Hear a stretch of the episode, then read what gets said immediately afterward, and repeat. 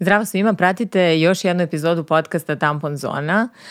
moja današnja sagovornica je neko koga jurim bukvalno od kad je počeo podcast Tampon Zona i jako mi je drago što ću konačno dobiti priliku da govorim s njom. ona je neko kome stvarno ne treba nikakva posebna najava. Dovoljno je da kažem da stvarno mislim da je trenutno jedna od najpoznatijih i najkvalitetnijih književnica u regionu, a i šire. tako da ostanite uz nas jer danas preko puta mene sedi Lana Bastašić.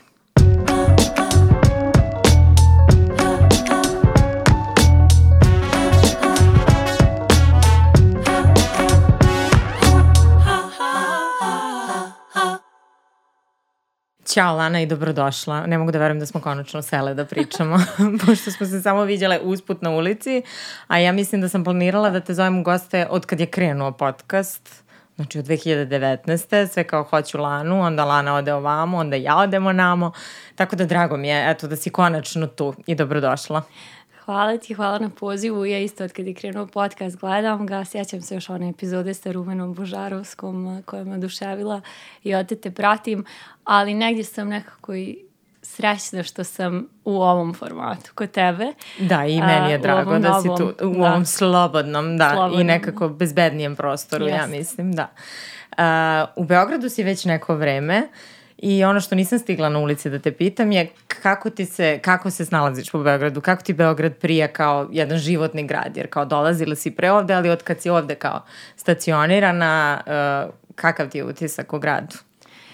Pa s vremenom sam ga zavoljela stvarno i dobre stvari što nekako u Beogradu možeš sebi da napraviš neki svoj grad, svoja mjesta, svoje ljude, ali naravno ima još uvijek mnogo stvari koje, koje mi mm. smetaju, koje me nerviraju, ne samo mene, nego i drugi Beograđani i Beograđanke.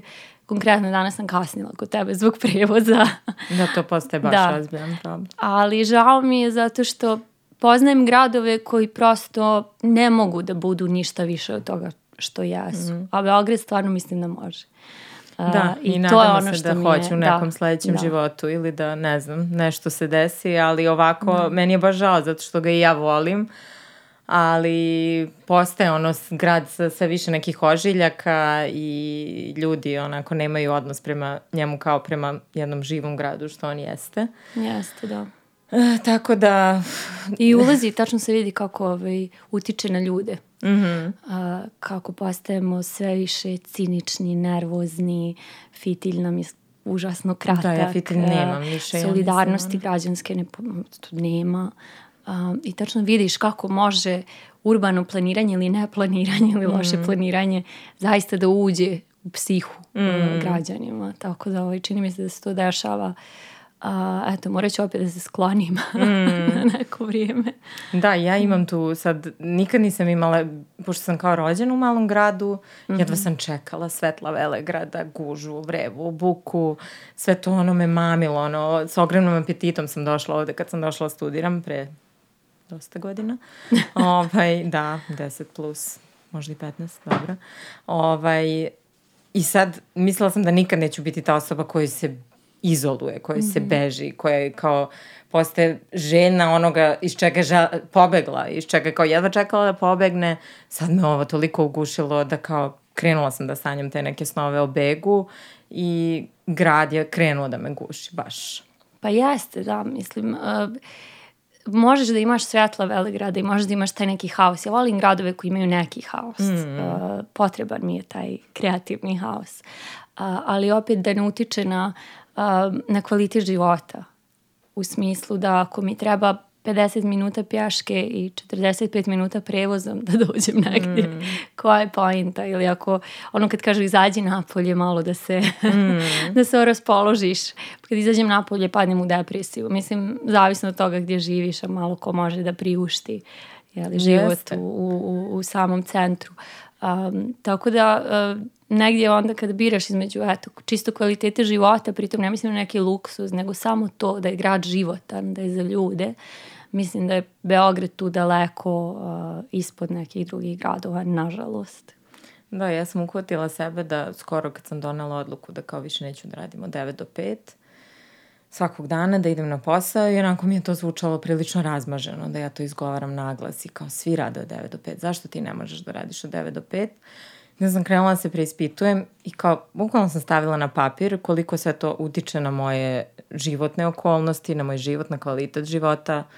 Videla da to provedem dnevno sat i po vremena u prevozu.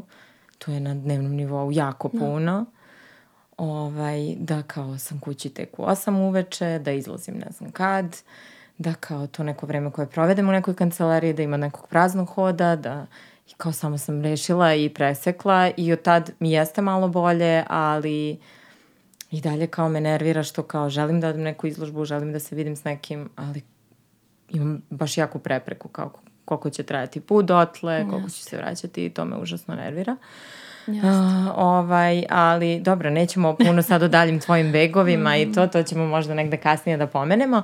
Uh, negde sam pročitala da si rekla da, da više um, ne voliš toliko da pričaš o romanu Uhvati zeca, jer, da, jer nekako želiš da nastaviš dalje i to i obećam da neću puno da te gnjavim o njemu, iako bih volila ti postavim neka pitanja. Uh, i malo napomena, ovo će vjerojatno se pretvori u fun girl ono, intervju, pošto sam sve pročitala tvoje, ali nešto nisam i zato hoću da te pitam, ovaj, a to je dečja knjiga koju si napisala. Nastja gleda sunce se Nastja zove. crta sunce. Da, crta sunce, mm -hmm. e. Ovaj, baš me zanima o čemu se to radi, jer nisam nikako uspela da, do, da dođem do nje. Kapiram da je nema ovde uopšte, je li tako? Ne. I je li to uopšte prva tvoja knjiga ili kako? A, nije, nije, prva je za djecu, za definitivno da. jedina je za djecu. Mm. Uh, moja prva knjiga je izašla 2010. godine u uh, Kulturnom centru Kragujevac. Oni imaju um, konkurs za prvenac. Mm. Uh, može da bude i poetski i prozni. Uh, I to je zaista jedan divan konkurs koji dalje postoji, tako da ako nas gledaju neki mladi ljudi ili možda ne tako mladi ljudi koji mm. imaju prvi rukopis, zaista je mjesto gdje smo mnogi od nas počeli. Um, a Nastja crta sunce je uh, samo izdata knjiga, dakle to je bio neki gotovo porodični projekat. Sta, uh, Nastja je moja bratanica. Mm -hmm. I uh, jedno vrijeme sam živjela sa, sa bratom i njegovom ženom i, i Nastijom. Uh, I prosto mi je bilo neverovatno koliko uz djecu mi odrasli učimo i htjela sam da zapišem priče koje ona zapravo osmišljava sa svojim igračkama, bojicama, um, instrumentima, uh, da pokažem šta je to što ja učim od nje.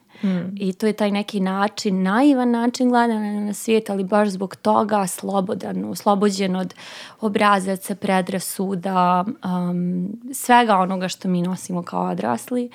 E, tako da je nastala, nastala ta knjiga. Uh, umjetnica iz Banja Luke, Sandra Dukić je ilustrovala.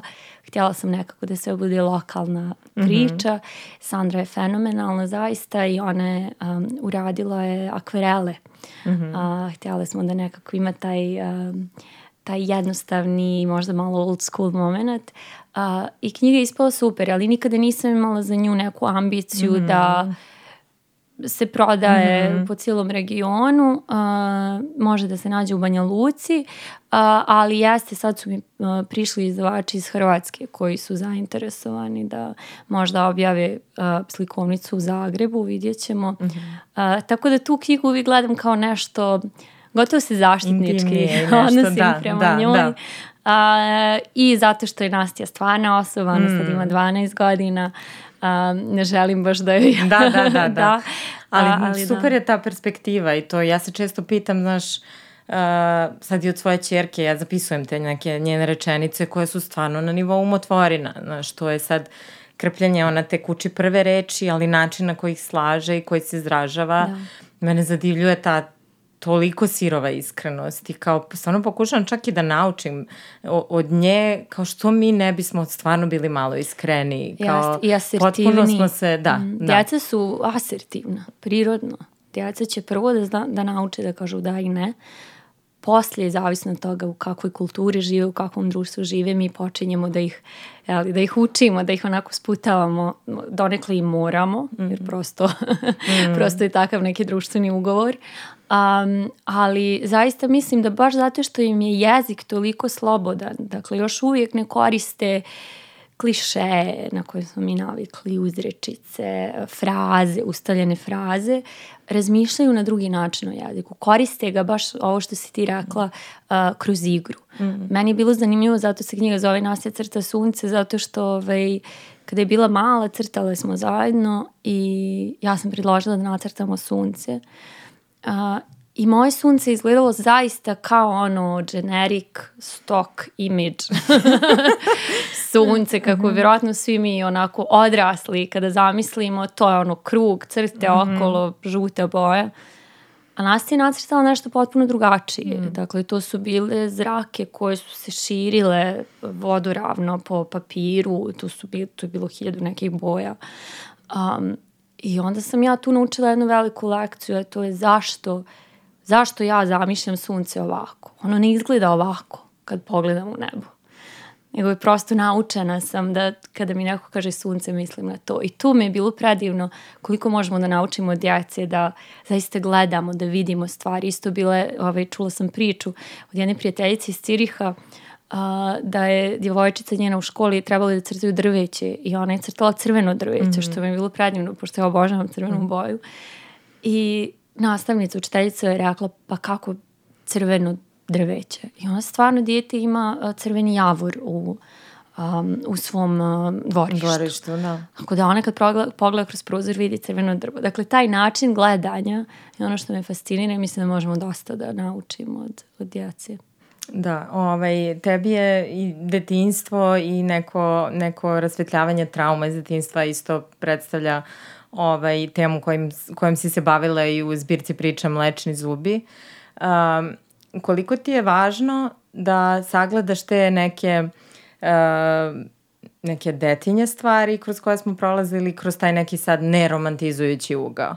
Zato što obično kad razmišljamo o detinstvu i o nekim za mene bar nekim najformativnijim sad tu delovima i događajima kroz koje smo prošli, uh, zašto je važno da, da, da ga malo ne romantizujemo više i da stvarno osvestimo neke stvari onakvim kakve jesu? Pa čini mi se da mi kada romantizujemo djetinstvo zapravo to radimo kroz neki mehanizam odbrane um, i nekako oduzimamo djeci a, sav onaj spektar emocija a, koji zapravo imaju, stavljamo ih u jedan, jednu košaru a, i generalizujemo djecu kao jednu homogenu grupu. Mm. Dakle, ne posmatramo ih kao ljude. Da, da, to su deca da, i to je to. A, kao zaista, i mi kad kažemo, kaže se ljudi i djeca. Deca, da. da. Mislim, djeca su takođe ljudi uh, i oni proživljavaju emocije jednako snažno kao i mi. Samo što mi uh, volimo da gledamo s visoka uh, na te njihove, znaš, kad se, kad se neko uh, dođe pa kaže sa 7 godina da je zaljubljen, ja se sjećam sa 7 godina imam svoje, svoje spomenare i dnevnike. Ja sam bila smrtno zaljubljena u jednog dječaka I ja se sjećam kako su se svima i to bilo simpatično, smiješno, pa dođu uh, prijatelji mojih roditelja kući pa ćemo sada da se šalimo na taj račun. A meni, ja sam patila, meni je to bilo strašno i sad ja mogu, opet, evo, opet se smijem na taj račun, ali, ali nebitno da li ljubav ili je strah ili je um, neka anksioznost, uh, djeca imaju emocije jednako kao mi. Uh, isto tako uh, nisu svi mali anđeli. Mm. sposobni su za sve, mm. za što smo mi sposobni. Razlika je samo što ne možemo da ih krivimo ako nisu anđeli. Mene su zanimali ti trenuci mm. kada možda jedno dijete može, put tog djeteta može da se onako račva mm. uh, i zaista može da ide u smjeru monstruoznosti. Um, a opet da ostavim neku nadu, možda ipak uh, postoji ta neka nada da će to dijete da pronađe neke druge Neki uzore put. i da... Bilo mi je drago, bila sam nedavno u Karlovačkoj gimnaziji. Mm -hmm.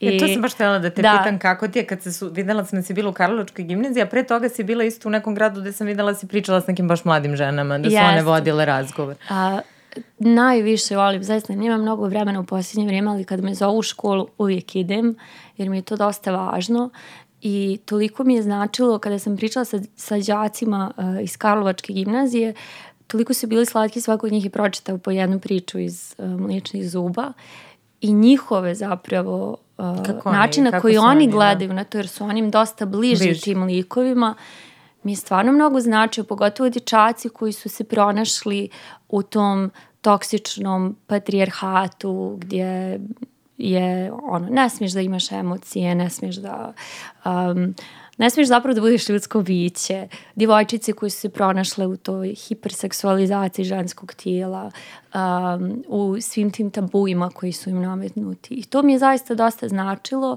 i uh, da vidim da nisu osjetili da u bilo, kom, bilo kojem trenutku ja gledam na njih s visoka uh, i za mene su jednako književni likovi, dakle kompleksni, bilo da ima 5 godina, 14 godina ili 54 godine, um, prosto lijeno bi mi bilo da pristupim tim likovima kao eto, djeca pa sad. Nekim sad ukrasima da, ili da. asesuarima, da, da. da, kad su oni jednako mislim zaslužuju da budu likovi.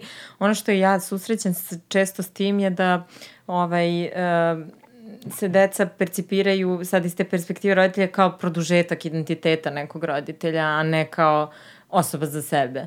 I to baš, baš uočavam kao, kao često, čest narativ. Jeste često i, i mislim ja ne mogu da govorim iz pozicije roditelja, mm. nisam roditelj, a mogu da po, govorim iz pozicije djeteta, iz pozicije tetke, mm. iz pozicije uh, bivše nastavnice engleskog mm. um, i zaista kada razgovaram sa ljudima o roditeljstvu, o majčinstvu, uh, budući da sam ja svjesno odlučila da ne mm. želim da imam djecu, I onda mi je uvijek zanimljivo da pitam, a zašto, zašto ti želiš da imaš djecu? Mm. Jer mi se čini da je taj odgovor mnogo kompleksniji mm -hmm. od mog. Da. Um, I često ljudi kažu zapravo to, da želi da vide sebe u nekom novom biću, mm. u nekom malom biću, da žele da neko, da vide da li će da liči na nju ili njega, njih. Um, što je meni uvijek onako, mogu da shvatim da je to vratno prirodno, A, znam, ali istovremeno, jako istovremeno ono mi je izgovoriš, problematično. to vrlo kao sebično i onako Jeste, jer ako nedovoljno, ništa, rekla da, bih, da. To je jedno novo biće koje će da ima jedan novi život, jedan novi svijet mm. um, i ja prosto mislim da se ljudi olako odlučuju uh, za, taj, za taj korak. Mm. Dakle, daleko od toga da sam protiv toga. Mm. Ja zaista djecu volim, mm ali, ali se zaista olako odlučuje onda nakon nekog vremena kada shvati da to nije igračka, da to nije produžetak njih, mm. da je to biće koje ima pravo na, na, na sve svoje emocije i želje, e onda nastaju, nastaju problemi. Da. E, ja sam imala e, grižu savesti pošto sam se kao poradila u sred pandemije, ne znam, pandemije, rat, znači sve je krenulo ono naopako što može. Ja sam kao, donela sad to novo biće na svet. I mene, na mhm. primjer, jako bilo strašno što sam je bilo u fazonu, bože, ona mene nije pita, ja nju nisam pitala da li ona želi sad u ovom trenutku ovde da bude. I baš sam se nosila kao, nisam imala postpoređenu depresiju, ali ta griža savesti mi je bila jako, jako, jako pojačana.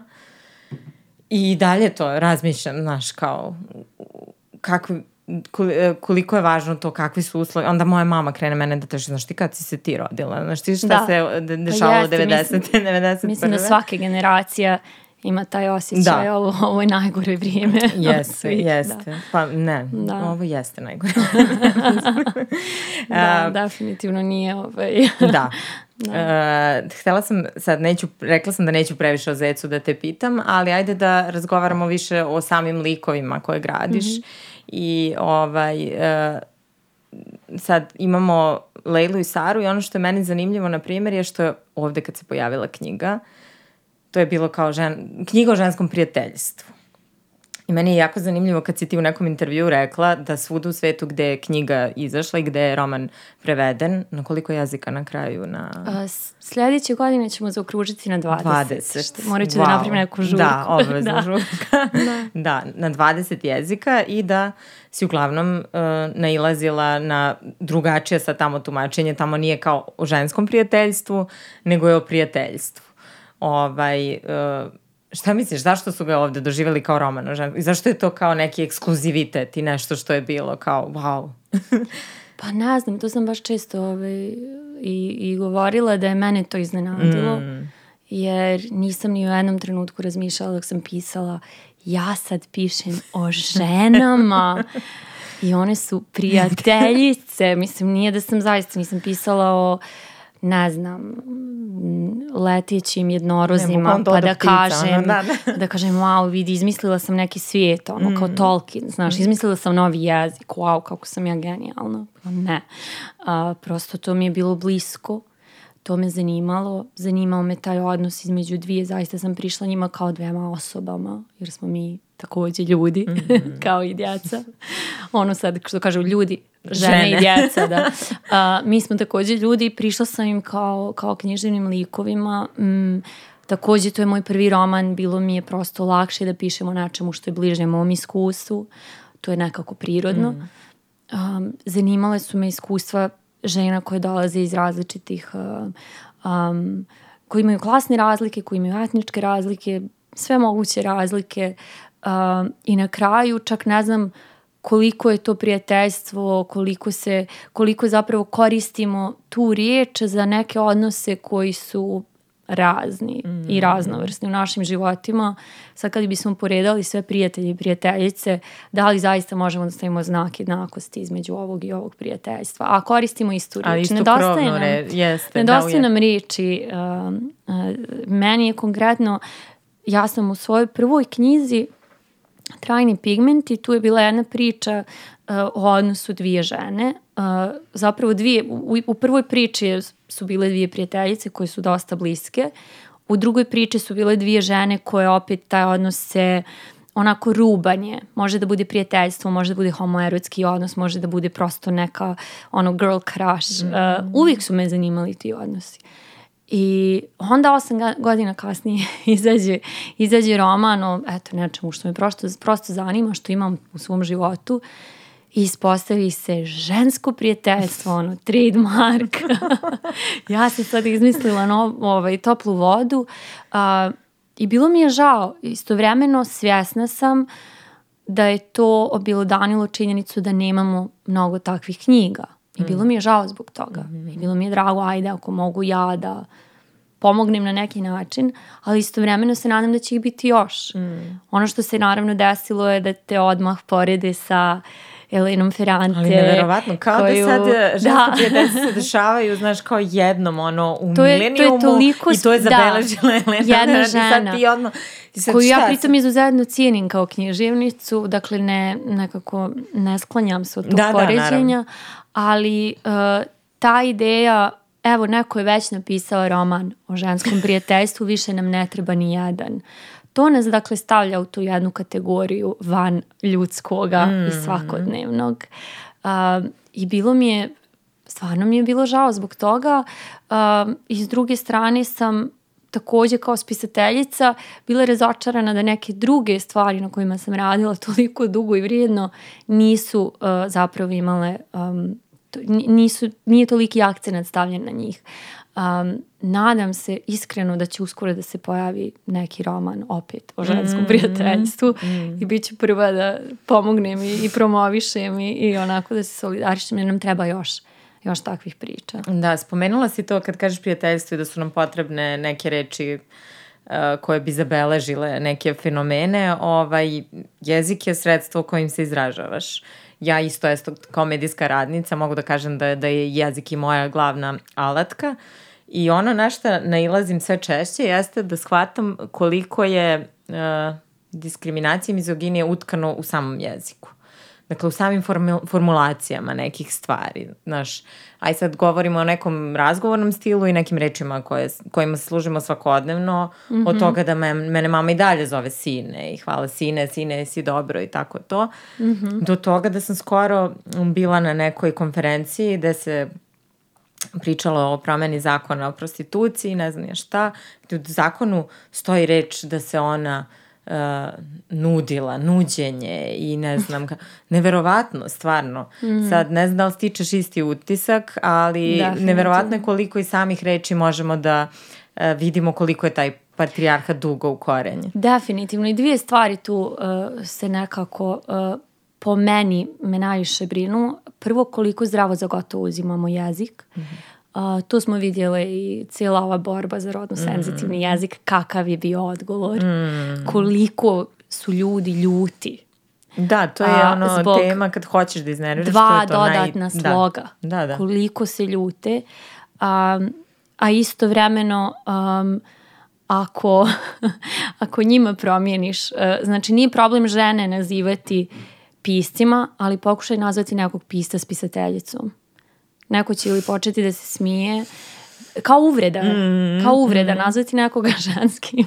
Kako ti voliš inače da se predstavljaš? Da. Autorka, spisateljica, književnica, šta najviše voliš da koristiš od tih reči? A, pa, autorka mi se sviđa. Da, da. da. ja volim da. autorka da, da koristim da. isto kad radim Književnica intervju. mi je nekako ne znam. ne, arhaično malo Možda, zvuči, jeste, da. da. da. A, ali da, i, i, i tu se pokazuje koliko zdravo za gotovo uzimamo jezik kao, kao ne samo sredstvo uh, komunikacije, uh, nego i materijal koji, kojim gradimo naše misli i samim tim svijet oko nas. Mm. Um, to mislim samo uzmi, ja sam se posveđala na mrtvo ime sa jednim gospodinom, čekali smo u redu uh, da li je to bilo za vakcinu, ne mogu da se sjetim, nešto mm. je vezano za COVID. Um, I ja sam samo htjela da uđem da pitam kakva je situacija ako nemam zdravstvenu knjižicu. Dakle, taj moment kada moraš da prođeš pored reda mm. da kažeš ljudima ne, ne, ne, ne sjećam red, samo hoću da postavim pitanje. I naravno sad negoduju ljudi i on koji počne da se deri govori ženska glavu. ja ono zamislim, ja da nije znao jutros kad se probudio na koga će da naleti. Od svih Šta ljudi na koje je mogao da naleti na mene, naleti da mi kaže ženska glavu. Mislim, ne mogu više da se sjetim, vjerojatno sam počela da držim neko predavanje što nije ni mjesto ni vrijeme, ali sama ta činjenica um, ja ne mogu njemu da kažem muška, muška glava. Da. Šta to znači? Ali činjenica da to ima negativnu konotaciju. Mm. Ženska glava dakle pridjev ženski nešto je negativno. Um, I to je, mi možemo sad da, znam da ima ljudi koji će da kažu evo opet neka feministička priča, ali to je tako. I oni znaju da je to tako. Mm. I svakodnevno se susrećemo s tim. Uh, ja sam prvenstveno morala sebe da oslobodim svoje internalizovane mizoginije. Ja sam bila djevojčica koja je govorila, ja imam više muških prijatelja jer su ta prijateljstva kao ozbiljnija. Zašto? Zato što su muškarci ozbiljni, zato što nisu a, previše emotivni, zato što su pametni, ali taj neka mm. ideja iza toga. A, ideja muške suze, ali ona je iskrena, ona je prava, žene su isterične. Ja sam kao tinejdžerka i kasnije, mislim do fakulteta, u sebi negdje nosila, nosila te ideje. Također sam mislila da ako želim da se bavim intelektual, intelektualnim radom, um, ja ne mogu da se šminkam. Ja ne mogu da nosim štikle, pobogu. Dakle, ja moram potpuno da se izbrišem sve ono što me markira kao ženu. I da se, I da se približim muškome. Mm. Između ženskog i muškog, koje vidimo isključivo na taj jedan binarni način, ekstreman način, ja moram što više da se približim muškom, da bi me ljudi shvatili ozbiljno. A, I trebalo mi je dosta dugo da se odučimo od toga. Dakle, počinje od nas uh, taj rad i nije bilo nimalo lako i bilo je dosta žena koje su mi zapravo pomogle na tom uh, putu. I mislim da uh, treba da reagujemo i mi smo sad ovdje konkretno, makar na Balkanu, mi smo ta generacija na kojoj će kola da se prelome. Mm. Jer mi treba da istrpimo svakom, evo je opet. Uh, vještica, mm, kvari atmosferu, ne znaš da se šališ. Od toga do agresije. Mm. Mi za to moramo da istrpimo da bi danas sutra neka djevojka mogla da se pojavi da, i da ja kaže spisateljica kod... bez ikakvih da, reakcija. Da, ali primećujem kod tih nekih mlađih devojaka i na primjer meni je sad krivo što kod mene to nije ranije došlo. Razmišljam, bože, gde bih sad bila da sam se kao svestila sa 15, 16, 17, a ne sa, ne znam, 25, 6 ili kad je. I kod mene je isto, isto tekla ta putanja kao što ti govoriš. Ovaj, I sad raduje me to što stvarno vidim kod nekih mlađih devojaka da Mislim, i dostupnije su im informacije na kraju krajeva, kao gde smo mi mogle, kao i da, da. čujemo i od koga da vidimo i ne znam nije šta. Ovaj, zapravo književnost jeste jedna pro, meni bila jedan prozor kao ka tom svetu i ka tom buđenju. Uh, jesi ti imala neki trenutak kad si presekla i shvatila kao uh, šta se dešava ili je to bio proces? Pa zanimljivo je da pominješ književnost jer se meni čini, ja sam studirala englesku književnost, mm -hmm. da mi je čak donikle taj studij uh, pomogao u toj mizogini. Mm -hmm. Dakle, način, knjige koje čitaš su mahom, jeli, pisali mhm. muškarci, kanon je muški, likovi su muški, žene koje su u kanonu su pisale muškarcivo i prosto odrasteš misleći da su to ozbiljne književne teme. Da ono o čemu piše, ne znam, Rumena Bužarovska a, ili Dubravka Ugrešić ili neko drugi, da to nije ozbiljna književnost i ne znaš tačno da kažeš zašto. To je mm. ono što je internalizovano. Uh, tako da mi književnost nije toliko pomogla, bilo je naravno knjiga, mm. fenomenalnih knjiga um, koje, koje su mi pomalo otvarale oči, ali definitivno je više došlo od putovanja, od razgovora sa različitim uh, ljudima, sa ženama uh, koje dolaze iz možda uh, sredina koje su manje privilegovane od moje, uh, do toga da sam se sama udala, preuzela neke uloge na sebe, počela da razmišljam o tome šta to znači i bilo je definitivno postepeno. Sjećam se od malena kad sam bila mala, moj brat je skoro dvije godine stariji od mene uh, i nekako se posložilo da je on eto tako duhovit, šarmantan, zabavlja, šta god, a meni će da obuku neku haljinicu, ja ću tako da mašem u kameru i da se smješkam. Uh, I sjećam se da me to nerviralo.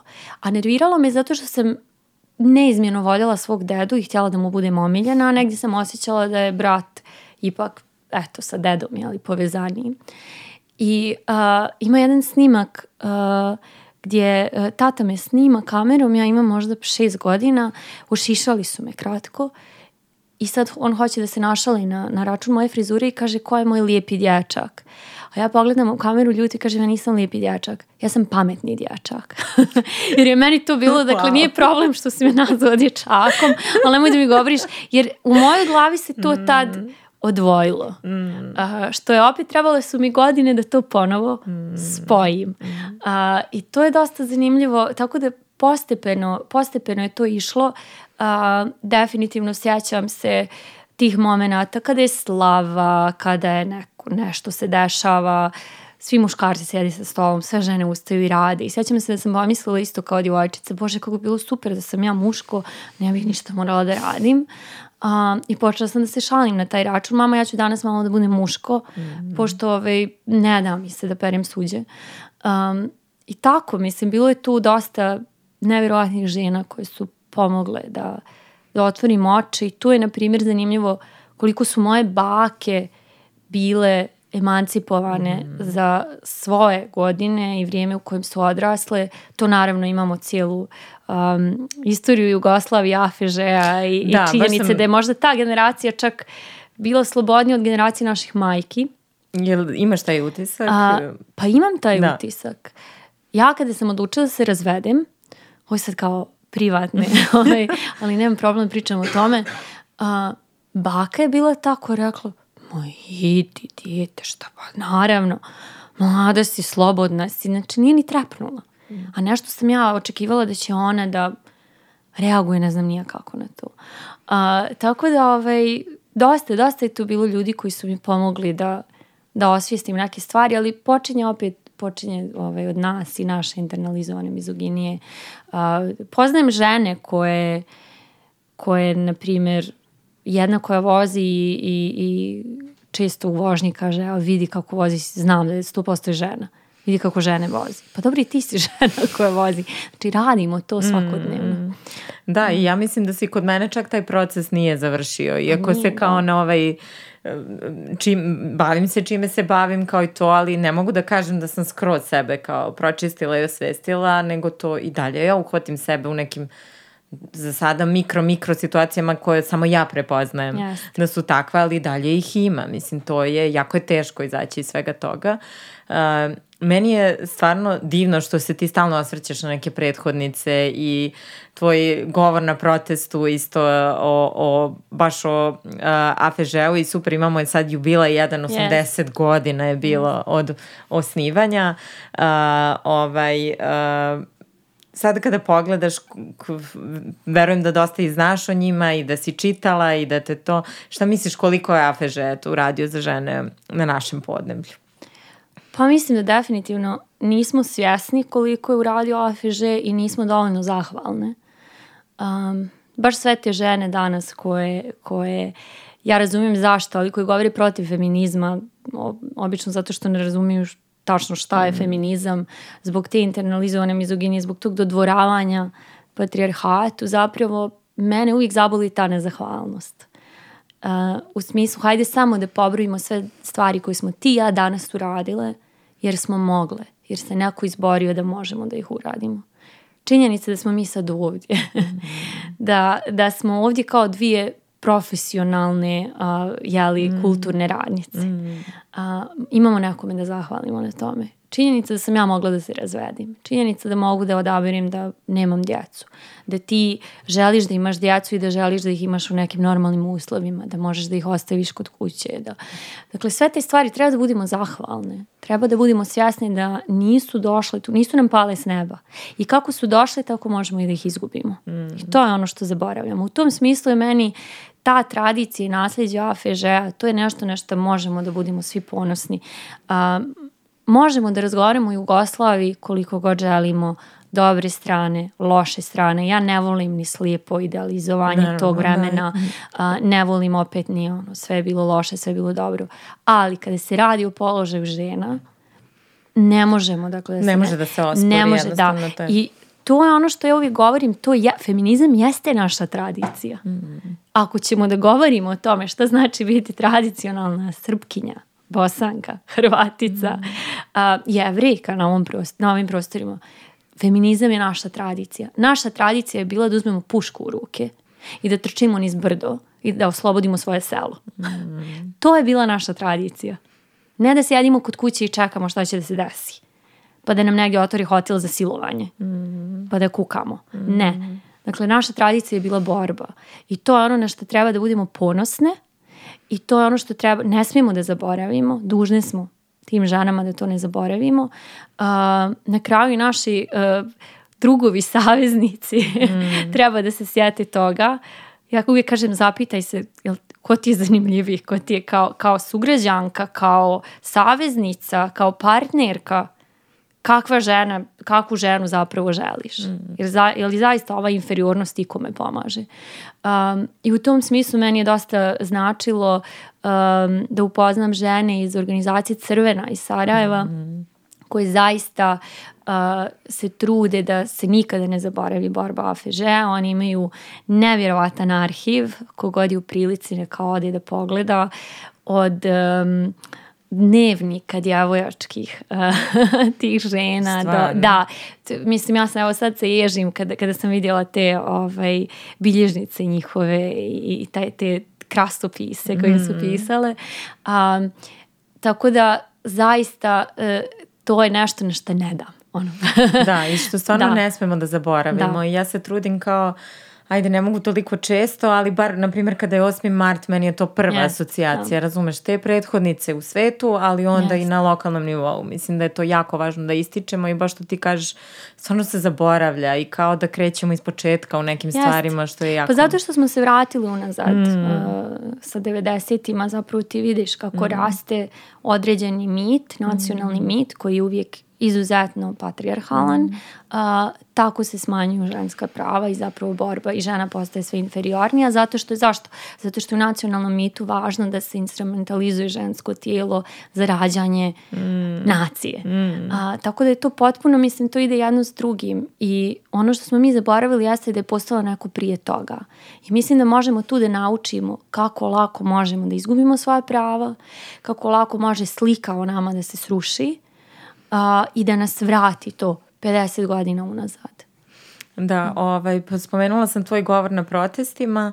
Uh, važno mi je sad da te pitam koliko je tebi sad taj uh, društveni aktivizam važan. Znači, glasna si po mnogim uh, pitanjima, nepravdama koje se dešavaju ne samo ženama, svima. Ovaj, koliko ti je važno progovaranje uh, na određene teme i šta misliš koliko je važan izlazak žene na ulicu? Evo sad, uh, pričala sam i s Jovanom Gligorijević uh, pre nekoliko epizoda gde smo zaključile da na kraju u Srbiji stvarno nije bilo ovoliko, ovoliko masovnih ženskih protesta i ovoliko buntovnih i nekako borbenih protesta uh, da ja i ona ne možemo da se setimo kao da smo bile na nečemu sličnom i da smo svedočile uh, tolikoj količini te borbene ženske energije koja je spremna da nešto uradi i da promeni. Uh, kakvi su ti utisci iz protesta i koliko tebi bilo važno da budeš na ulici?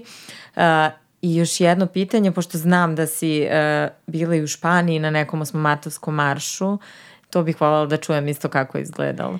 Uh, ja sam bila toliko srećna na tim protestima u Beogradu. Mm -hmm. uh, I znam da dosta ljudi uh, će da kaže to je sad pomodno, sad je moderno biti feministkinja, sad je moderno staviti hashtag mitu i tako dalje.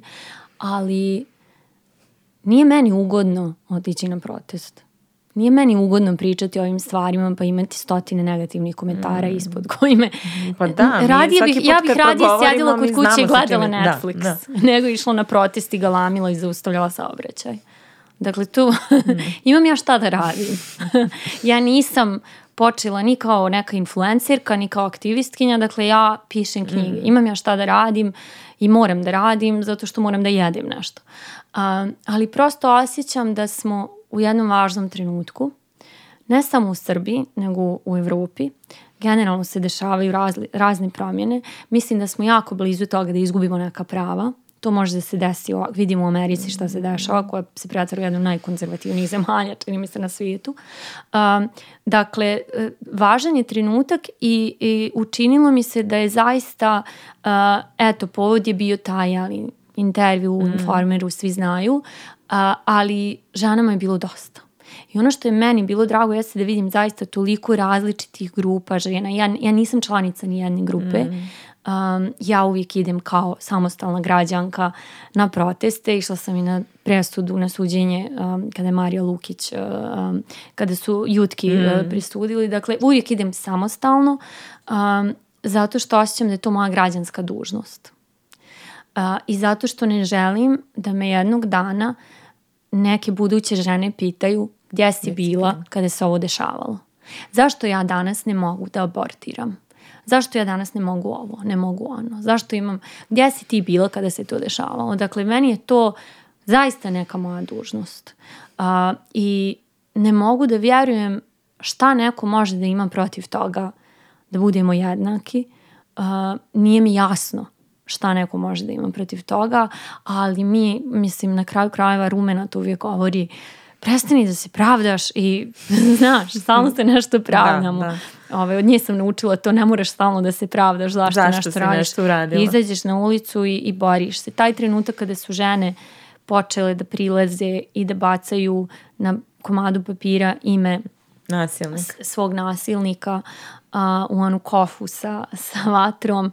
Uh, one su došle sa svih strana. To su žene koje ja nisam poznavala, koje nisu poznale organizatorke uh, i muškarci koji su došli na protest su onako ostali zapanjeni kad su vidjeli koliko ima žena koji su to, koji su to preživjeli. Dakle, ako ništa uh, izlazi nešto na, na površinu. Mm. I meni je ono što mi je najdraže jeste da je tu bilo i mladih žena, izrazito mladih žena, bilo je djevojčica. Ja sam se baš bilo da. ih je baš dosta. Ono, mislim I samo da je da najveća količina bila tih jest. nekih mlađih od 17 do 25 yes. recimo, da. Čisto mislim da je vrijedno samo ako je jedna ta djevojčica vidjela u redu je da budeš ljuta mm. kada se nešto desi i u redu je da galamiš na ulici kada se nešto desi, da kvariš atmosferu. To je sasvim u redu. Dakle, ako smo to uspjele, sasvim dovoljno. E, da, ovaj, uh, u Španiji si bila da. na nekom osmomartanskom maršu. Uh, kako to izgleda tamo? Mislim, mi uvek, meni je uvek krivo što kao taj marš ovde postoji i kao da. stvarno bude puno žena i to meni bude stvarno jedan od omiljenih dana u godini, pre svega zato što se sve skupimo na jednom mestu, ukažemo na neke probleme ovaj, i stvarno smatram taj Jest. dan vrlo važnim i velikim. I kad pogledam u nekim zemljama koliko je to zapravo masovno i važno, da. baš kao se nadam da će i ove, ovde jednog dana da osvestimo to. Pa jeste, mislim, tu moramo takođe da budemo svjasni. Konkretno ja sam bila u Barceloni. Barcelona je luka. Barcelona od uvijek bila otvorena prema svemu. To je jedan od najgay friendly gradova na svijetu. Dakle, druga je stvar kada bismo otišli u neko manje mjesto mm. u Španiji, konzervativno katoličko mjesto, mm. ne bismo vidjeli to. Mm. Dakle, kada kažem Španija, mislim konkretno tu na Barcelonu, ti 8. martovski marš je tamo nešto predivno, osjeća se nevjerovatna energija, hodaju muškarci i žene, uh, hod, uh, dosta inkluzivniji, um, dakle uključuje um, sve što možeš da zamisliš, stariji su ljudi tu, ljudi u kolicima, um, ljudi različitih, mislim Barcelona ima zaista razne kulture, vjere, mm. nacije, dakle ljudi različitih uh,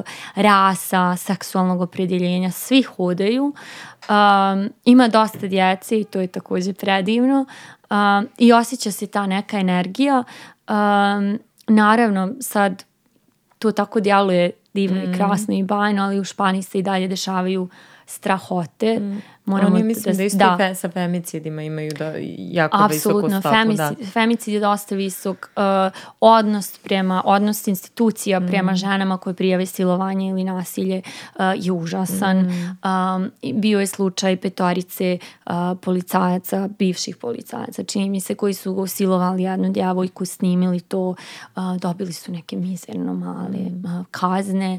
Um, dakle, i dalje postoji to što ne iznenađuje, mislim, Španija je zemlja sa dubokim fašističkim nasljeđem. To je zemlja u kojoj fašizam mm. pobjedio. To moramo da, mm. da ne zaboravimo. Uh, I to se i dalje vidi. Dakle, taj njihov konzervatizam je i dalje izuzetno jak, ali postoji odgovor meni ono što me pogotovo oduševilo pored tog jeli, 8. martovskog marša jeste kada sam ja vidjela antifašistički pokret u Španiji. Mm -hmm. Dakle, ja sam prvi put kada sam ih vidjela kako marširaju, ja sam se prepala jer sam mislila da su to neki skinsi. Um, jer su to bili onako snažni, visoki momci, žene, um, lesbijke, um, transrodne osobe, navijači, dakle sve, uh, obučeni u crno hode. Ja sam mislila, bože, ovo su neki fašisti, mislim, bježim. I onda mi drugarica rekla, ne, ne, ne, to je, to je antifa pokret. Uh, I oni su bukvalno onako sami se organizovali, oni imaju vojsku svoju. Mm. Mislim, mi ne daju. Mi ne damo. Ako se desi neki zločin iz islamofobije, idemo tamo da branimo tu osobu. Mm. Ovdje nećeš proći, ono, no pasaran. Dakle, postoji koliko god da postoji taj ali, fašizam i seksizam i, i mizoginija, toliko postoji, postoji odgovor. reakcija koja je jaka, jest, da, jest. da, da, i to je I shvatiš da. da mora da bude jaka mm -hmm. i da mora da bude to. Nema pravdanja, nema razgovora. Nema, da, mora se. Uh, prosto ovdje, ovdje podlačim crtu i idemo da branimo svoje sugrađane. Mm. To je to. Uh, drago mi je što smo sad, usput smo već pomenula neka imena i kao pričamo o prethodnicama. Uh, htela sam da te pitam da li si upoznala Dubravku Ugrešić, da, pošto da. jesi, da, jesi. Da. Kakav je bio taj susret? Uh, pa Dubravka i ja smo sad već mogu da kažem prijateljice da. već neko vrijeme. Uh, upoznala sam je, uh, otišla sam kod nje u stan njen u Zagrebu.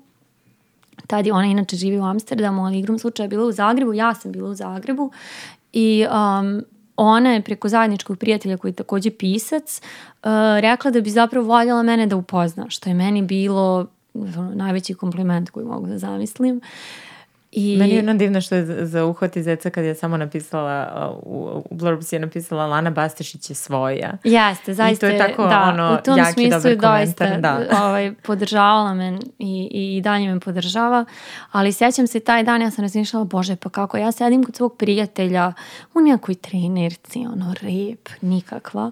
Kaže pa da ona je tu, ona živi tu pored, kao možeš sad da odeš do nje ako sad ovakva, i sad ćem se idem, umivam se, češljam se, bukvalno ne znam da sam, da sam ikada bila toliko nervozna za neki dejt, mm. koliko sam bila nervozna zato što idem na čaj kod Dubravke Ugrešića. Ona je bila toliko normalna, toliko divna, toliko duhovita, neizmjerno duhovita i razgovarale smo dosta dugo Kasnije kada sam se ja našla igrom slučaju u Zagrebu, zatvorene su bile granice, uh, krenula je, ovaj, krenuo je karantin, nisam mogla da izađem iz zemlje.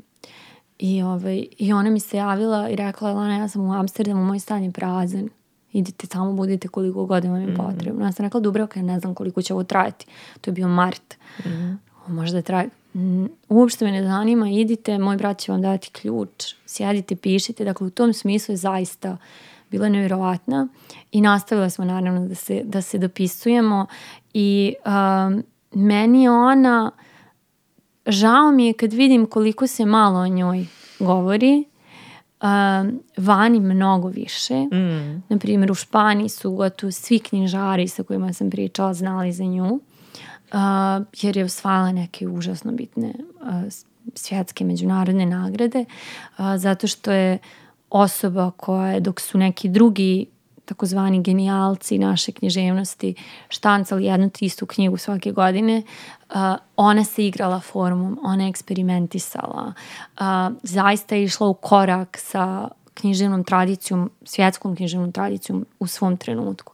I uvijek je ostala dosljedna sebi, svom glasu i, i tome što radi. I ja zbog toga izuzetno cijenim. I, i zato kažem postoje prethodnice, treba samo da, ta ideja da ih mm. nije bilo, da ih nema, ima ih, samo treba da se potrudimo da ih iskopamo, da ih čitamo. Da, ali drago da... mi je to da sad postoje njena izdanja, sad Buka objavljuje Jeste, da. stalno da. i nekako da. i čujem da je prepoznatljivije njeno ime nego što je pre bilo Jeste. i meni je pre jako bilo krivo što Ja se sećam da je ona žena zbog koje sam ja pomislila možda bih ja mogla neku fikciju da Jeste, da pišem, da. jer stvarno te ono njeno pisanje o pisanju mm -hmm. i sve što je, mislim da je stvarno ostavila jedno jako važno nasledđe yes. ovde. Ona ima odličnu, e, čini mi se da to je njena prva knjiga, Poza za prozu. Mm -hmm. I u toj knjizi ima jednu priču koja se zove Love Story. Ja tu priču obožavam. Gdje zapravo opisuje jednu mladu ženu koja želi da piše, koja se zaljubljuje u jeli, neku umjetnika, šta god, koji sve vrijeme nju objašnjava kako ona treba da piše. Šta god ona da napiše nije dovoljno dobro. I on je govori, ne, ne može da ti se zove lik Dragica. To nije književni lik. Ne može ovako, ne može onako. Konstantno on ju na neki način sputava da bi na kraju te priče on napisao priču koju ona godinama kasnije čita, više nisu zajedno, i shvate da je ta priča loša. I počne zapravo da uređuje tu njegu. Dakle, imala je taj meta, to je njena da. prva knjiga, to je 70 i neka. Ona je imala taj meta moment priče u priči, mm. opisivanja, pisanja, dok pišeš. Dakle, to je meni toliko sveže i toliko zabavno, toliko duhovito, istovremeno toliko pametno kao komentar. Mislim da je tu priču u onom pisanju romana reke, da je spominjala tu priču Jest. negde, mm -hmm. da je, da, jer da, zvuči da. mi sad poznato dok mi pričaš. Da. Uh, jeste, čini mi se, ovaj, to nije objavila Buka, uh, ali postoji kod nas, neko mm -hmm. drugi ne mogu sad da se sjatim, pozdrav za prozu, dakle definitivno mm -hmm. ovaj, tu knjigu ako možete da nađete. Da. da. A, sad, a, ono što isto kod tebe mi je jako lepo jeste što neguješ taj odnos sa savremenim piscima i spisateljicama koji su oko tebe. I moram da kažem da je jedna od stvari, a, jedan od intervjua, ne mogu uopšte, razgovora, u kojima sam najviše uživala u poslednje vreme bio sa Rumenom kada si nešto imala live na Instagramu i ja sam sasvim slučajno ukačila, bukvalno sam listala Instagram i kao vidi ove dve pričaju nešto, hajde da ostanem tu. Ja sam tako uživala, to je bio baš neki bukvalno svakodnevni razgovor, pričale ste o svakodnevici, o stvarima koje vam trenutno prolaze kroz glavu i tako to.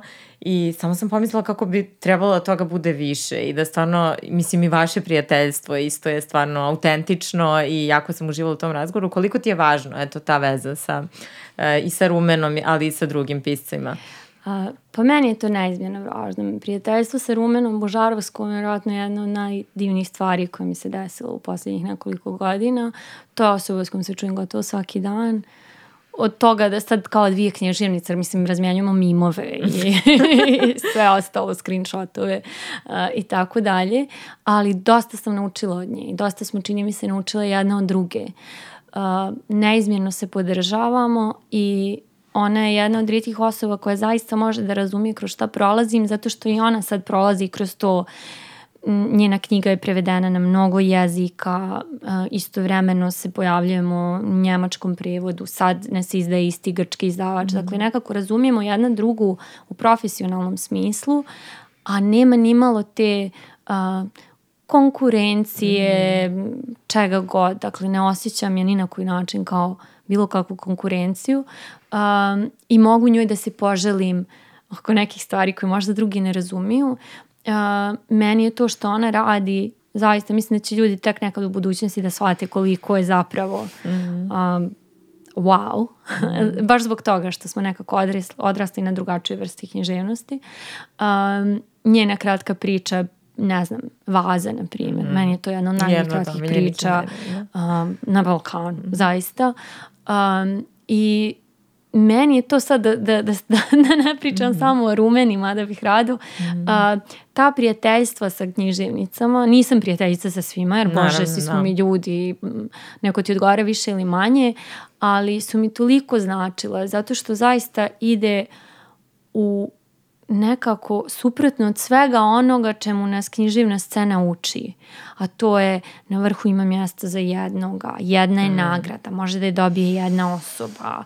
Do toga, pogotovo ako si, ako si spisateljica, onda su nekako...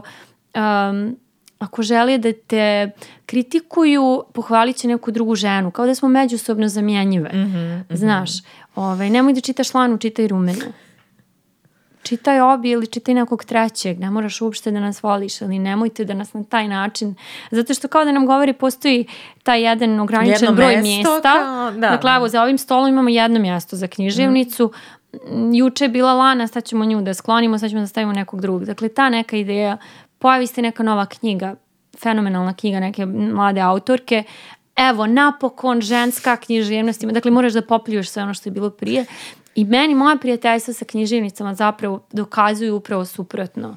Da mi možemo da budemo solidarne, da se pomažemo, da ima mjesta za sve i ako ne raste broj čitalaca zahvaljujući meni, to će biti i njeni čitaoci. Mm. Dakle, evo vi kažem selu u kojem postoji jedan pjesnik, nema ni književni časopis, ni književni festival. Mm. Treba da nas, bude, da nas bude više. U tom smislu isto i projekat sa Lejlom Kalamujić i mm -hmm. Lamijom Begagić 3 plus 3 sestre uh, gdje se u regionu sastaju tri književnice da razgovaraju o neke druge tri književnice je baš to. Ja, to je da, dakle ne da. pričamo o sebi, mm. nije ego ja, ja, ja, nego ću sad da održim književno veče i da cijelo veče pričam o nekoj drugoj knjizi, mm. neke druge književnice. Uh, I to je, na primjer, ispalo fenomenalno. Um, tako da je meni to, to je dio te moje nove jeli, mm. edukacije i odučavanja od one djevojčice koja se hvalila kako se samo druži sa muškarcima. Da. Da. Uh, spomenula si književne, književne nagrade, što je onako posebna tema i verujem da bi tome mogla pot, posvetim jednu posebnu epizodu podcasta. Uh, A, naročito kad sad ovde na, na lokalu pričamo o tome, ono i o famoznoj Ninovoj nagradi i ne znam je šta, ovaj ti si dobitnica uh, na, nagrade Evropske unije. Uh, I našla sam, u stvari to sam čula kod Galeba u podcastu i to mi je bilo jako zanimljiva ta nagrada gde uh, biblioteke nominuju, da si bilo u nekom Jeste, izboru, Dublinska, Dublinska nagrada, da, tako? Da, da, da. Taj koncept mi je bio recimo da, fenomenalan, da, da. gde svaka biblioteka nominuje mm -hmm. jednu knjigu. Uh, E sad ovde kod nas kad pričamo o tim nagradama i kad dođe taj čuveni prvo širi izbor za Ninovu, pa uži za ovaj, i uvek se u poslednje tri godine to kao da li će žena ili će muškarac da osvoje nagradu. Ovaj, uh, dobro, ove godine smo imali Nobelovu nagradu, je mm -hmm. dobila ova autorka. Uh, koliko je sad u tim nag... ja sam na kraju uzela jednom i po Wikipediji gledala sve i beležila, da. bukvalno da, da vidim kao brojčano. Mm -hmm ne volim inače brojeve, ali stvarno u nekim trenucima onako mogu da, da, da, da. budu šame realnosti kao što je ovaj slučaj ovaj, gde stvarno imamo jedan ogroman disbalans u, da. u, u tim nagradama. Ovaj, da li ti se čini da se pomalo to osvešćuje i da je problem malo izašao na vidjelo sa tim ili je i dalje to toliko zakorelo? Pa čini mi se definitivno da se stvari mijenjaju, ali mislim da način nije da se fokusiramo na nagrade koje imamo do sada, mm -hmm. uh, koje 70 i kusur godina su, ne znam, pokazale svoju politiku na, da, da uh, već da stvaramo neke nove prostore. Zato je, na primjer, jako zanimljivo da postoji nagrada Štefica Cvek, da, uh, što da. je jedna divna inicijativa i važno da postoji, jeste, da, da, um, da, i da postoji više nagrada, mm. da se to malo decentralizuje da ne bude ono jedna ko, kao prsten ono. Da, da, da vlada da, svima. da, da, ono. ovaj, ne, nego um, zašto ne bismo imali više nagrada? Zašto bismo razvijali čitalačko tijelo koje čita jednu knjigu godišnje? Mm. zbog čega? Um, meni je nekako koliko god da mi je značilo taj, to finale ali taj najuži izbor za Ninovu nagradu u smislu da sam zaista došla do čitalaca do toga da ga eto um, deset godina sam objavljivala i Mm. Prosto bilo je nemoguće da uđe do čitalaca. Sve se promijenilo i zahvalna, zahvalna sam na tome, ali isto tako postoje neke druge, ne, ne, konstantno ta neka finala. Mm. A, ne znam, bilo je finale za prvi roman u Francuskoj. Meni je to izuzetno značilo, jer znam koliko su oni manje više nezainteresovani za to što se dešava na Balkanu. A, tako neke stvari a, koje, kad shvatiš koliko smo mi fokusirani na to naše, da zaboravljamo malo na širu sliku, da zaboravljamo da na kraju krajeva svaka nagrada je prosto jedan mali broj ljudi koji u tom trenutku nešto odlučuje. Često se dešava da su svi, svako od njih odabire različitu knjigu pa se dogovore oko, eto, svima nam je ova na drugom mjestu pa mm. pa ćemo nju da nagradimo ili tako dalje.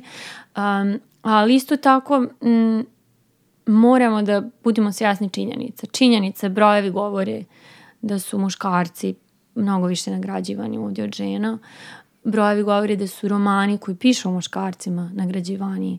Da, da žene kada pišu o muškarcima dobijaju nagradu lakše mm. nego nekom da, na neki drugi način. Um, I kada to kažeš uvijek ima neko ko će da prevrne očima, da kaže nama to nije važno, nama treba da bude važna književnost, mm. a, mi se ne bavimo tim stvarima. Međutim, kada bi uh, situacija bila obrnuta, zamisli da imamo 70 dobitnica i 5 dobitnika. E, onda bi bilo, ne, ne, ne, ne, ovo je neka ideologija. Ovo je ne... Dakle, zanimljivo mi je kako vide ideologiju mm. samo kad su isključeni. Mm. A kada, kada su privilegovani, kada su većini, onda, onda nije ideologija, onda je prosto književnost. Um, I to je, mislim, to je nešto što čini mi se da se mijenja ali ne treba da gledamo u tu Ninovu nagradu kao eto to, ne. to će da... Ne, stvaramo neke druge prostore, nadamo se da će ta nagrada s vremenom također da se mijenja, ali mi stvaramo svoje prostore. Ja sam na kraju krajeva išla nekim svojim putem, nisam čekala da me neko prevede, da me neko odvede na neki festival, da me upoznam s nekim agentima, morala sam sve samo da uradim, neću da sjedim kod kuće i kukam, idem da radim. I svojim nekim putem sam na, došla do toga što sam htjela. Da sam čekala da mi daju Ninovu nagradu, pa zahvaljujući toj nagradi da budem prevedena, pa onda zahvaljujući tim prevodima da idem po festivalima i rezidencijama, pitanje kad bismo ti ja sjedile mm, i razgovarale. Mm. Um, tako da ja zaista verujem u to. Uzmemo stvari u svoje ruke i gradimo svoj prostor. Uh, postoji dosta žena koje pišu koristeći neke patrijarhalne obrazce i ovaj uh, sad uh, vidim neku, m, ne trend, nego jednostavno neke romane koji dolaze u moje ruke, koji kao čak si reklamiraju nešto eksplicitno kao osnažujući, feministički, ne znam ja šta, ali samo zato što kao govore o nekom problemu. Mm -hmm. Ovaj, negde sam isto pročitala da se tebi e, tri žene Liseta deo nisu nešto dojmile. Mm. Ovaj, uh, ja sam ovu drugu njenu kao krenula, kako se, životinja, nije? Nisam, nisam To čitala. baš nisam mm -hmm. mogla uopšte, ali sličan sam utisak imala tri žene kao ti.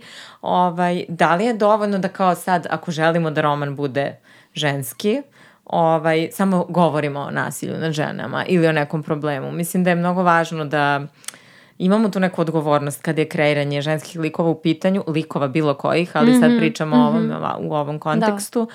Ovaj, kako se ti vodi, čime se ti vodiš kad stvaraš uh, te likove i kad želiš da tvoja književnost bude ono mhm. sklonjena mm -hmm. od to, te patriarhalne skrame?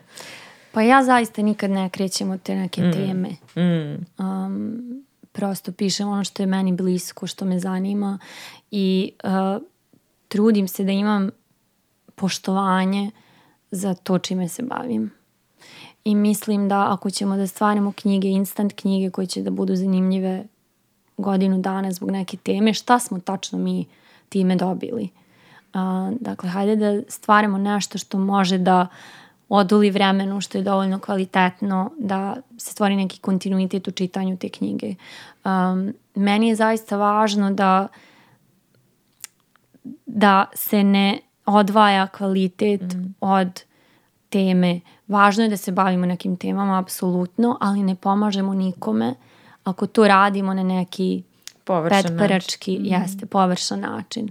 Um, I prosto zašto, zašto ne možemo da imamo oboje. Mm. Tako da ne mislim da je neka knjiga dobra samo zato što govori mm. o jednoj stvari. Isto tako ne mislim da ono što kaže kiš uređivanje svog vrta, da je neka knjiga dobra samo zato što je divna rečenica. Mislim, takođe moramo malo, malo smo već pametniji danas. Možemo malo šire da razmišljamo mm. o književnosti. Postoji toliko knjiga na svijetu. Dakle, to su milioni koji su objavljeni. Milioni i milioni i milioni. Mi za života, ja uvijek kažem, možemo neko izračuna da pročitamo između 4 i 5 hiljada. Ono, čit, baš ljudi koji čitaju. Samo nešto mi to malo zvuči. To je to. Jedino ne znam da li ti sad čitaš da. sto knjiga mm. mjesečno, ali, ali to je taj broj. Mm. I onda shvatiš, aha, moram da odaberem. Mm. Tako da ću ja, znam da, da postoji ljudi koji mogu da rade jedno i drugo. Uh, I prosto nemam vremena mm. da čitam niti, niti ovaj, književnost koja po meni nije na nekom nivou. Uh, što opet lična stvar, ali ja to prosto po meni ne zadovoljava taj nivo samo zato što razgovara, govori o nekim važnim temama, niti želim da eto, čitam još jednog srednjovečnog muškarca koji se divi nekom leptiru na nekom drvetu, a potpuno je nesvjestan svijet u kojem živi. Dakle, super, ok, ima ljudi koji će to da čitaju da uživaju tome. Imamo i nagrade koje nagrađuju stil, a ne romane. Um, ali mene zanimaju ljudi koji mogu da rade sve odjedno. Mm. Mene zanima ono krem de la krem top, ljudi koji su svjesni. Nebitno pišiti o tom leptiru, ali hajde da kroz njega vidimo i neke druge stvari, mm. neki kontekst. Taj leptir mora da postoji u nekom kontekstu. Mm, ne da? može tek da. sam tako da lepti samo.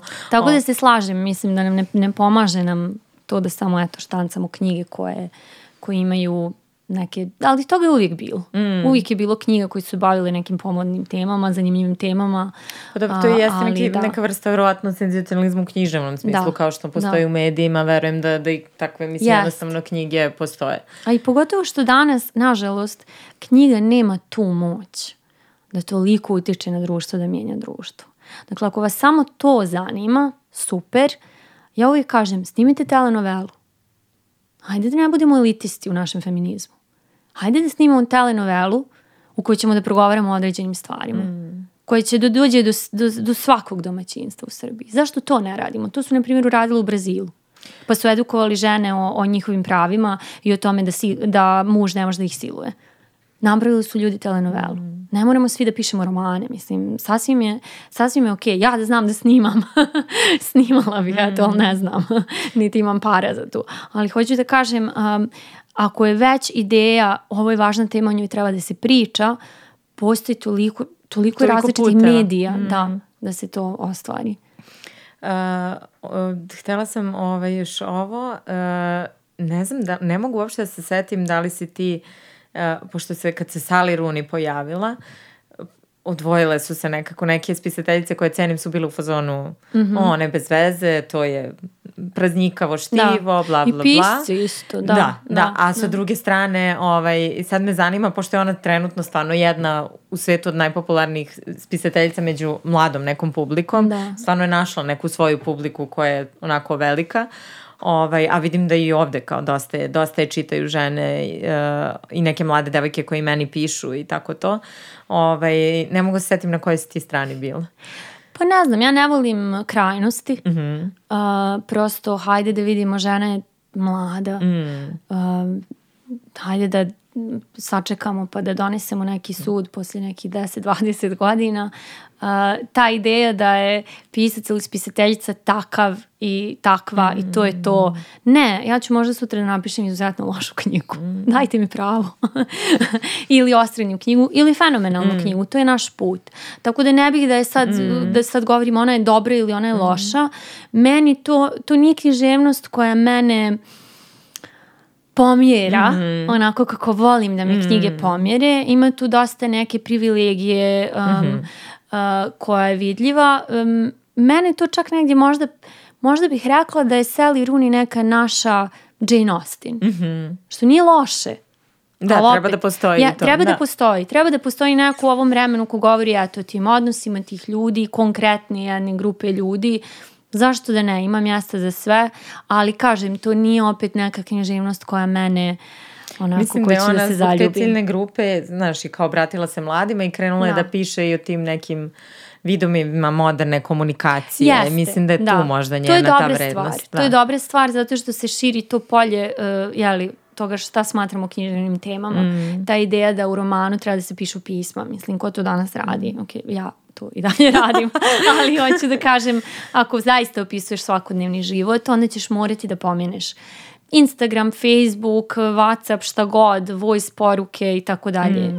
Ali mi dalje to vidimo kao nešto manje, manje književno. Dakle, u tom smislu je to pozitivno. Da. A, meni je čisto m, prosto ti likovi i, i, i taj način pisanja nije nešto što, u šta mogu da se zaljubim, ali mogu da pročitam i da mi bude zabavno i zašto da ne, ajde da ne razmišljamo na, na taj neki Štivo način. za plažu, obožavam tu Jeste, da. etiketu, Da. a ja svo, najteže i isto. knjige sam na plaži pročitala, jer kao samo tad imam vremena da se Da. potpuno prepustim knjizi i onda kad vidim neki članak kao letnje knjige za plažu. Da, da, da. da. Hvala ti Lana na ovom razgovoru. Za kraj kao moram pitanje, znam da ćeš me mrzeti verovatno zbog tog pitanja i ne želim da pravim nikakav pritisak, a možda i želim. Ovaj, da li pišeš, da li radiš na nečemu novom? A, pišem, pišem stalno, s tim da u ovom trenutku prevodim. A, prevodim jednu argentinsku književnicu za, za izdavača u Sarajevu i baš uživam u tome. Kratke priče su u pitanju. Um, shvatila sam da mnogo volim da, da, da prevodim. Vidiš, o tome i- nismo uopšte da, pričale, Mislim, to eto, je to je nešto velik- novo, da. možda, možda kada se pojavi knjiga, mislim, bit će objavljena u Sarajevu. Uh, urednica sad radi na njoj, ali taj, taj odnos prema jeziku, učenje od drugog pisca, um, uh, izbori koje moram da donesem su uh, izuzetno književni, a opet nemam strah od prazne stranice, jer je tekst tu. Tako da zaista uživam u tome i, i shvatam zapravo još više cijenim književne prevodioce i prevoditeljke, jer je to zaista težak posao. Stvarno mogu da vidim kako možeš da uništiš jednu knjigu. Da, jednu i taj posao ostaje nevidljiv. Meni je neverovatno nevidljiv, da, da. stvarno kao ne znamo... Nažalost, kod nas. Ja znam katalonci, na primjer i španci, često na korici u knjige pišu ime prevodioca. Dakle, to je nekako knjiga pripada i toj osobi. A, ali eto, bavim se time, a onda sljedeće godine mogu da se vratim svom romanu i to je sve što ću da kažem o tome. Mislim da ćemo ovdje da završimo razgovor. Hvala ti puno, Lana, što si Hvala bila tu. tebi. Hvala.